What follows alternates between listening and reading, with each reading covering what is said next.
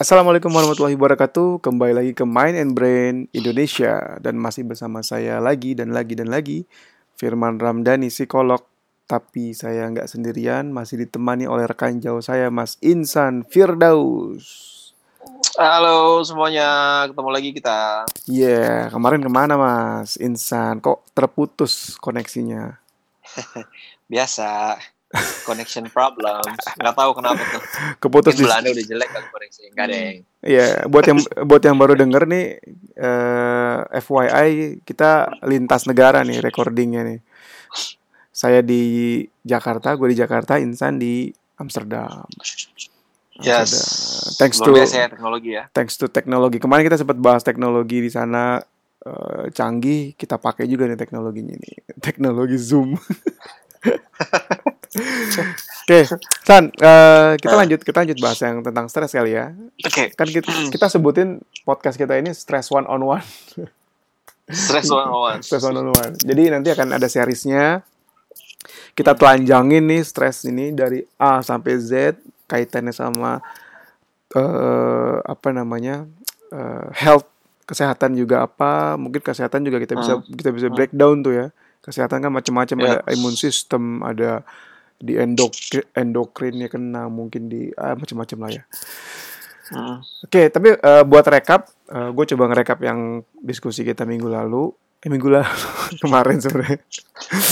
diskusi, diskusi kita kemarin bahwa stres itu yang lo sebutin ada faktor pemaknaan, artinya uh, ketika lo mempersepsikan situasi sebagai situasi yang menekan, mengancam, membuat lo stres, aktif tuh sistem stres lo. Kemarin lo sebut ada dua kan ada hmm, saraf, yeah. saraf otonom atau uh, yang, yang terdiri dari simpatetik dan parasimpatetik dan juga yeah. HPA aksis hipotalamus pituitary mm -hmm. adrenal aksis. Kemarin lu juga sempat bahas ada kaitannya reactivity dari sistem itu dengan faktor genetik. Lu yeah. juga sempat bahas sedikit mengenai uh, stres kronis dan juga stres uh, akut Nah, sekarang lu mau bahas yang mana nih di di, di hari ini nih? Uh, kita bahas dua-duanya kali ya. Kita bahas apa sih? Mungkin lebih detail lagi. Akut stres hmm. itu apa? Terus okay. apa apa itu yang namanya uh, kronis stres? Oke, okay, buat gitu. buat sebelum kita masuk ke situ, buat orang yang mungkin nggak familiar dengan term-term kesehatan, bedanya akut sama kronis itu apa sih? Terus sering kayak di di, kalau, di gangguan yang kesehatan umum sering dipakai juga kan ya? Iya, iya, iya. Wah, kalau di stres, akut stres itu adalah biasanya stres yang kita rasakan dalam hitungan menit hmm. atau sampai ke hitungan jam. Misalkan gini, uh, tiba-tiba um, kita ngerasa, wah, gue dicopet nih, hmm. barang gue hilang. Deg-degan dong, lo stres, lo bete, lo kesel, hmm. ya nggak? Hmm. Uh, akhirnya berujung misalkan aduh lu nggak nggak mood ngapa-ngapain oke okay. hmm. itu adalah akut stres tapi okay. kalau besokannya itu masih lo masih terpengaruh hmm. lo masih kepikiran sampai seminggu dua minggu sebulan gara-gara hal itu itu menjadi kronik uh, itu menjadi uh, stres yang kronis okay. gitu lo merasakan hal itu atau kalau mau kita dipersimpel lagi uh, kronis stres kron, uh, stres kronik itu adalah gue jadi ke kebalik kronik hmm. stres.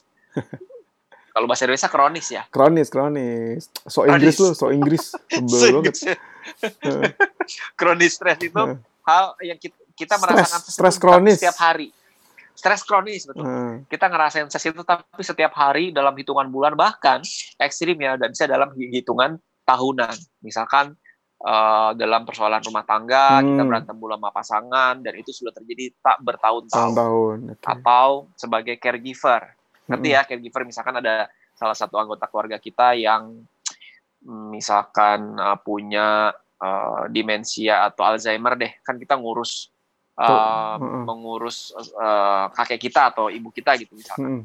nah itu kan ada ada ada stresor lah ya ada stresornya lah yang dia dia yang orang itu rasakan selama bertahun-tahun lamanya gitu itu namanya chronic stress. Berarti lebih kepada gitu time frame ya kalau misalnya ak akut tuh yang uh, apa namanya menit sampai jam yang tadi lu bilang. Kalau yang yes, yes, kronis, yes. kalau soal intensitas ada bedanya nggak? Misalnya yang nah, akut. Nah nih, uh. Nah, pertanyaan bagus nih, Man. Wih, iya Nah, intensitas itu kan oh, parah ya. Parah. Pinter banget. Firman ini pinter banget.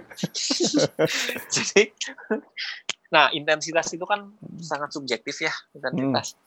Nah, eh, tentunya kalau yang akut stres, intensitasnya nggak terlalu besar ya biasanya.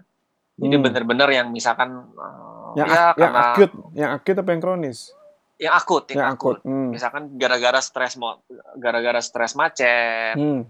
atau gara-gara stres em, apa namanya eh, lupa makan atau kecapean, stres fisik kan gitu. Itu Hmm. juga intensitasnya nggak terlalu besar.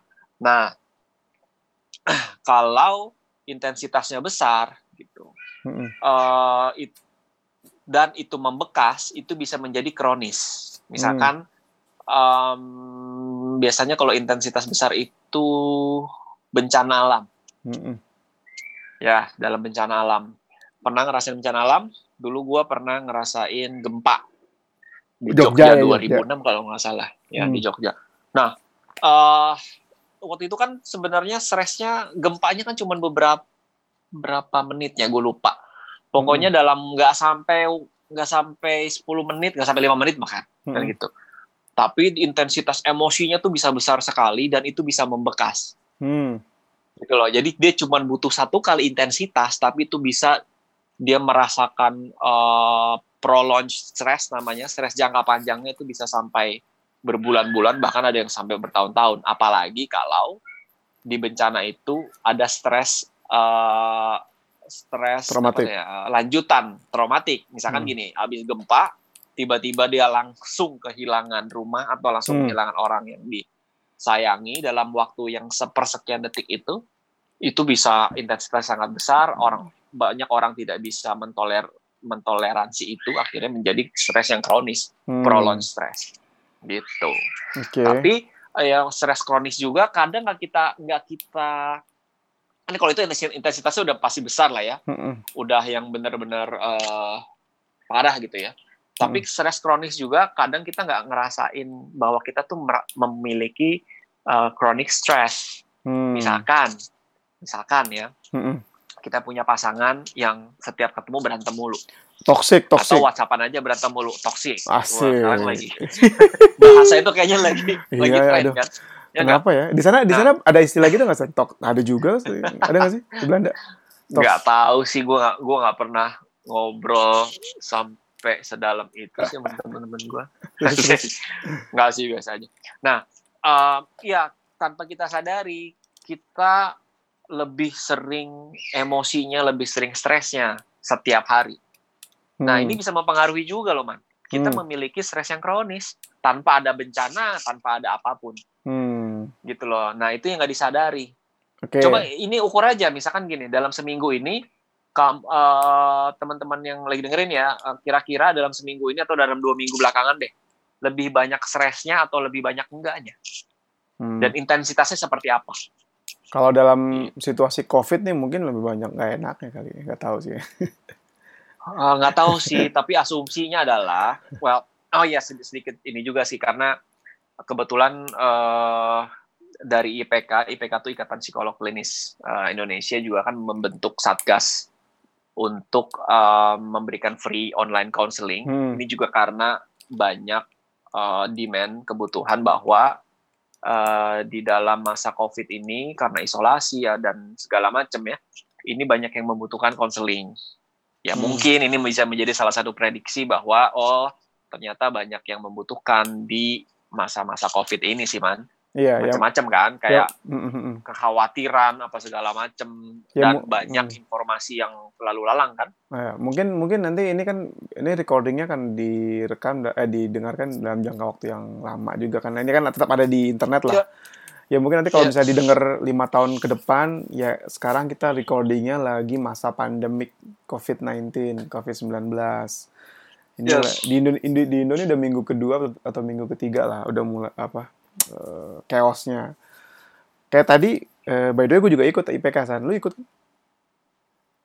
Iya iya gue ikut juga gue sebagai salah satu Nah, sebagai salah satu konselor juga. Iya, kayak tadi tuh ada yang ada yang gua ketemu, oh, ini telekonseling ya tapi nggak sebut nama di sini uh, eh, gue mau share kasusnya aja dia kasus sama pasangannya tapi dia bingung ini sebenarnya relate sama covid apa enggak ya uh, apa apa memang gara-gara covid atau memang guanya sendiri sama dia? Gue bilang uh, bisa jadi pengaruh sama covid. Karena ketika lo uh, cemas sama covid kan artinya membuat lo jadi kalau bahasa ini kan chemical imbalance lah ya.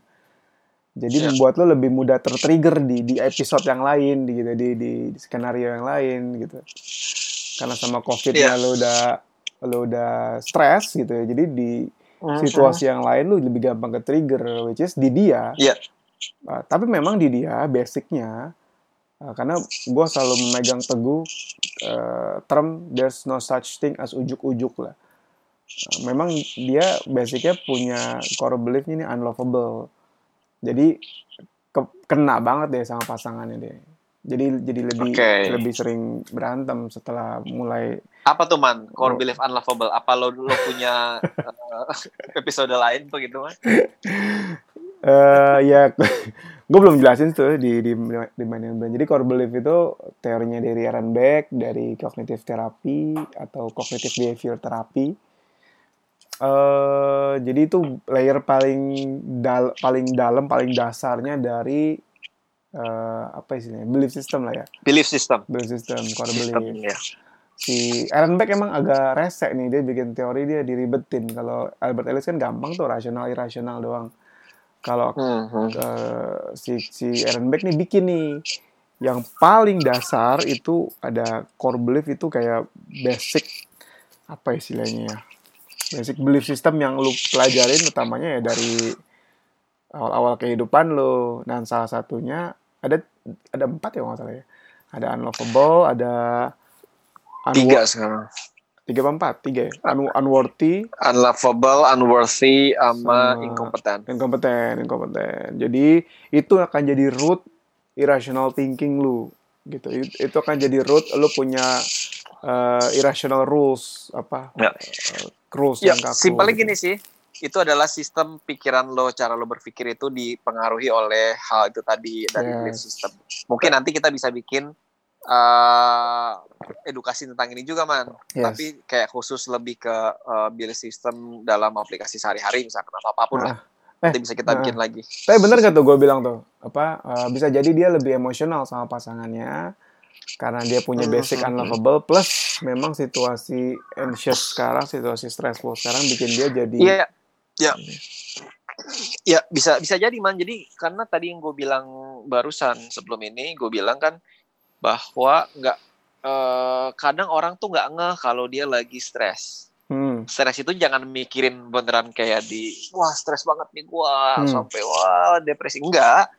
Lo bosen aja itu sudah ada ketidakseimbangan sebenarnya. Boredom ya. Bosen lo ya boredom kan boredom berarti kan lo udah kayak kebosanan okay, parah mau ngapain ya udah hmm. udah kayak udah nggak seimbang nih hmm. udah udah mulai jenuh nah lo nggak ngeh kan? Lo hmm. udah jenuh akhirnya lama-lama makin tinggi udah bukan bosan lagi mungkin udah mulai uh, stres udah tinggi lagi apa segala macam itu yang hmm. mungkin lo repress kan kita nggak tahu. Nah kebetulan juga uh, pasangan lo bertingkah entah apa pun itu. Yang hmm. biasanya lo marah tapi nggak segitunya ini sekarang lo bisa marah lebih parah daripada sebelumnya. Bisa jadi. Bisa jadi. Bisa jadi bisa jadi. Apalagi kan sekarang tapi itu sih yang gue paling sorotin adalah uh, informasi tentang apalagi pandemi gini ya mm itu kan hampir hampir nggak ada yang positif ya jadi yeah. kayak kayak kayak mm, menyebar benih buat bombardir, buat cemas. Paling enggak lo jadi khawatir, worry hmm. gitu loh paling nah makanya paling enggak kalau lo udah mengenali stres ini supaya stres lo tidak menjadi kronis hmm. lo oke okay, gue ternyata gue udah terpengaruh banget nih sama apa yang gue baca di, di berita misalkan hmm. atau enggak lo bisa tahu oh iya kok sekarang gue uh, selama gue di rumah aja gue bisa berantem terus dengan pasangan gue misalkan hmm. paling enggak pada saat lo ngeh lo udah mulai bisa menata diri sih menata dirinya paling enggak oke okay, uh, eh, gue akan melihat atau nge-web atau browsing apa aja gue perlu nggak browsing hari ini kayak gitu gitu loh yeah, yeah. udah mulai menata diri pelan pelan nggak yeah, semudah yeah. itu pasti tapi Betul. paling nggak lo bisa nyoba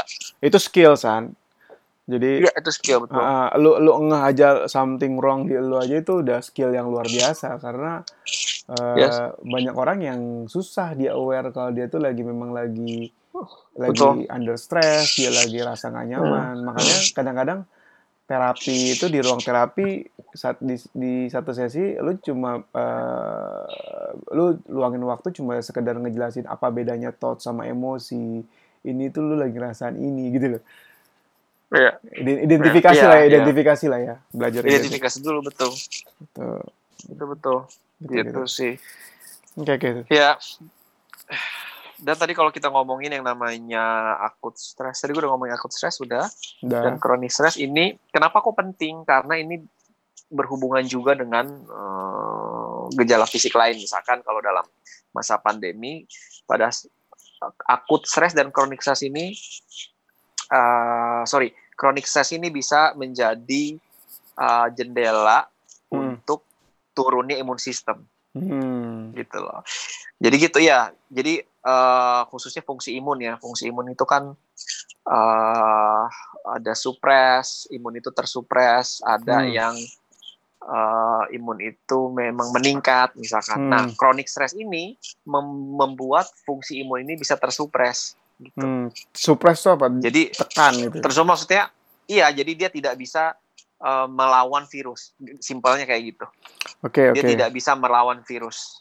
Nah, okay. tapi kalau kita bisa mengelola stres yang si akut ini kita hmm. kelola kayak misalkan kita nyoba dengan olahraga tapi secukupnya yang penting ada ada reaksi dari tubuh oke okay, itu hmm. udah udah cukup udah nggak udah udah bisa nah itu bisa membuat imun sistem itu meningkat hmm gitu. Okay. Jadi sangatlah penting gitu. Makanya okay. Uh. gue nggak tahu ya datanya, tapi gue banyak aware, well dari klien gue juga, dari teman-teman sekitar gue di masa sekarang ini banyak orang sakit, tapi bukan karena corona loh ya, jadi virus lainnya. Hmm, jadi, jadi lebih jadi asumsinya ada, ya? asumsinya ada, ya jadi lebih rentan. Asumsi ini, walaupun ini baru asumsi ya, gue nggak punya data, tapi asumsi gue adalah mungkin, mungkin bisa jadi ini uh, terpengaruh akibat uh, kondisi sekarang yang yeah, mungkin yeah, yeah. Uh, kecemasan ini mau jadi wabah kecemasan bisa jadi. Iya kayak kayak misalnya ada kemarin ada nanya gue mas dari rumah sakit kenalan gitu, mas bener gak sih uh, kok kita lagi ngomongin corona kok nggak lama gue ngerasa dada gue sesek gitu. Halo, Jadi, halo, iya, yeah. kedengeran. Halo. Cek, oi. Man. Oi. Nggak kedengeran. Halo. Halo. San. Cek, man. Tadi hilang loh. Hilang ya, dan ntar gue. Berapa lama? Enggak, enggak apa-apa. Lo ulang aja tadi ulang. Masih kerekam kan? Masih.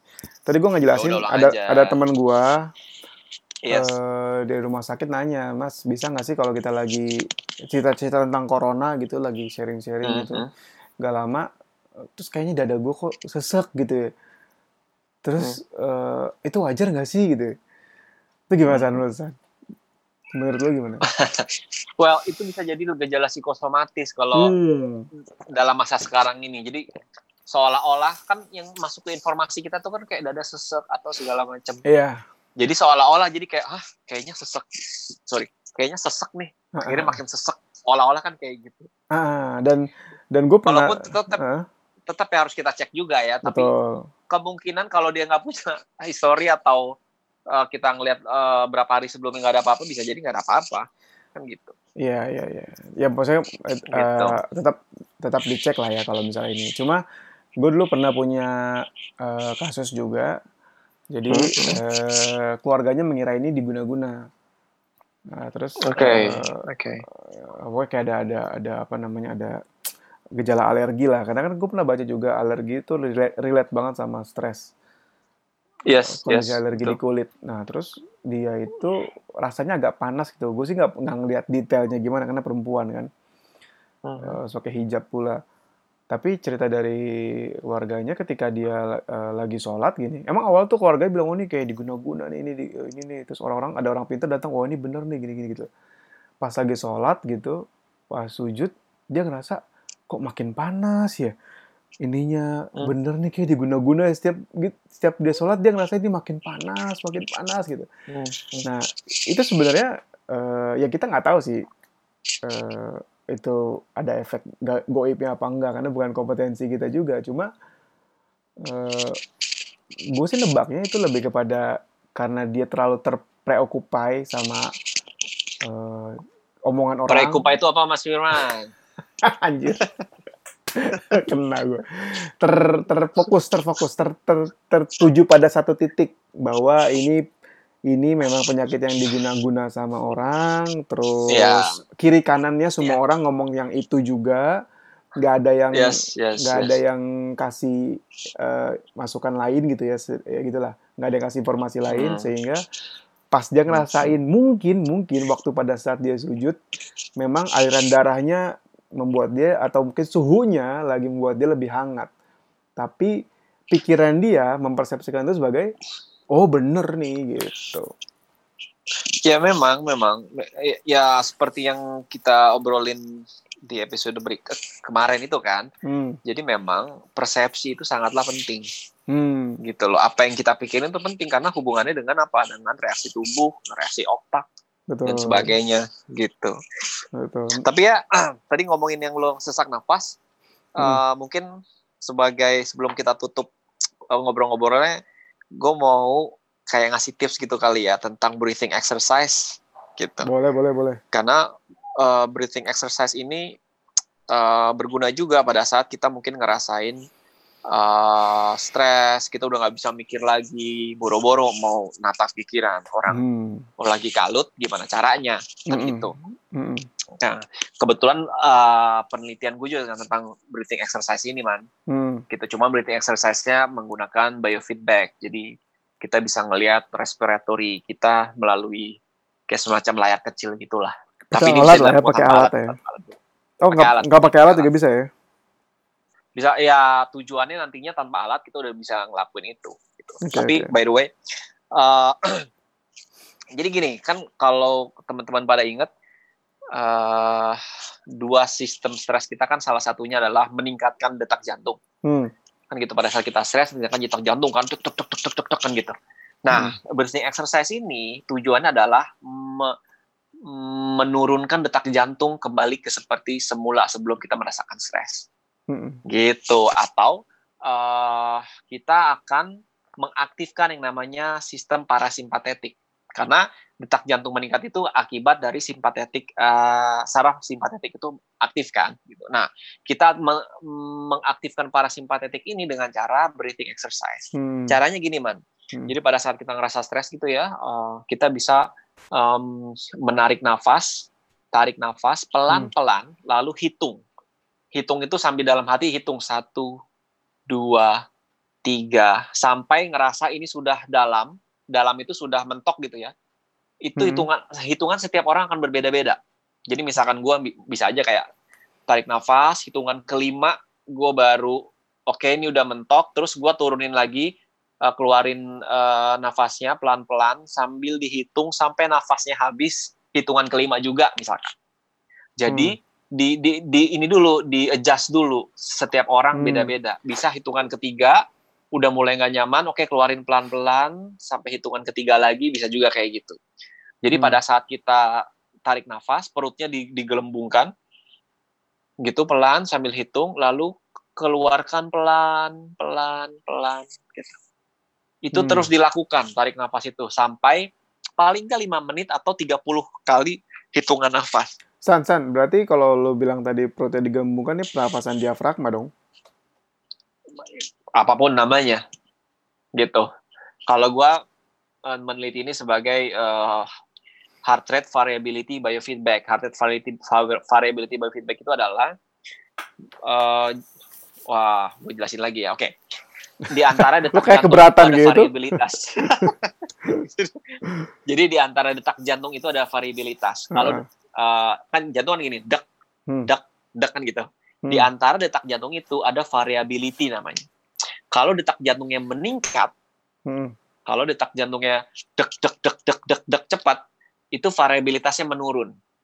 Hmm. Kalau uh, detak jantungnya normal, dek, dek, variabilitasnya meningkat. Hmm. Nah, tujuan kita adalah meningkatkan variabilitas detak jantung tersebut supaya detak jantungnya jadi lebih slow.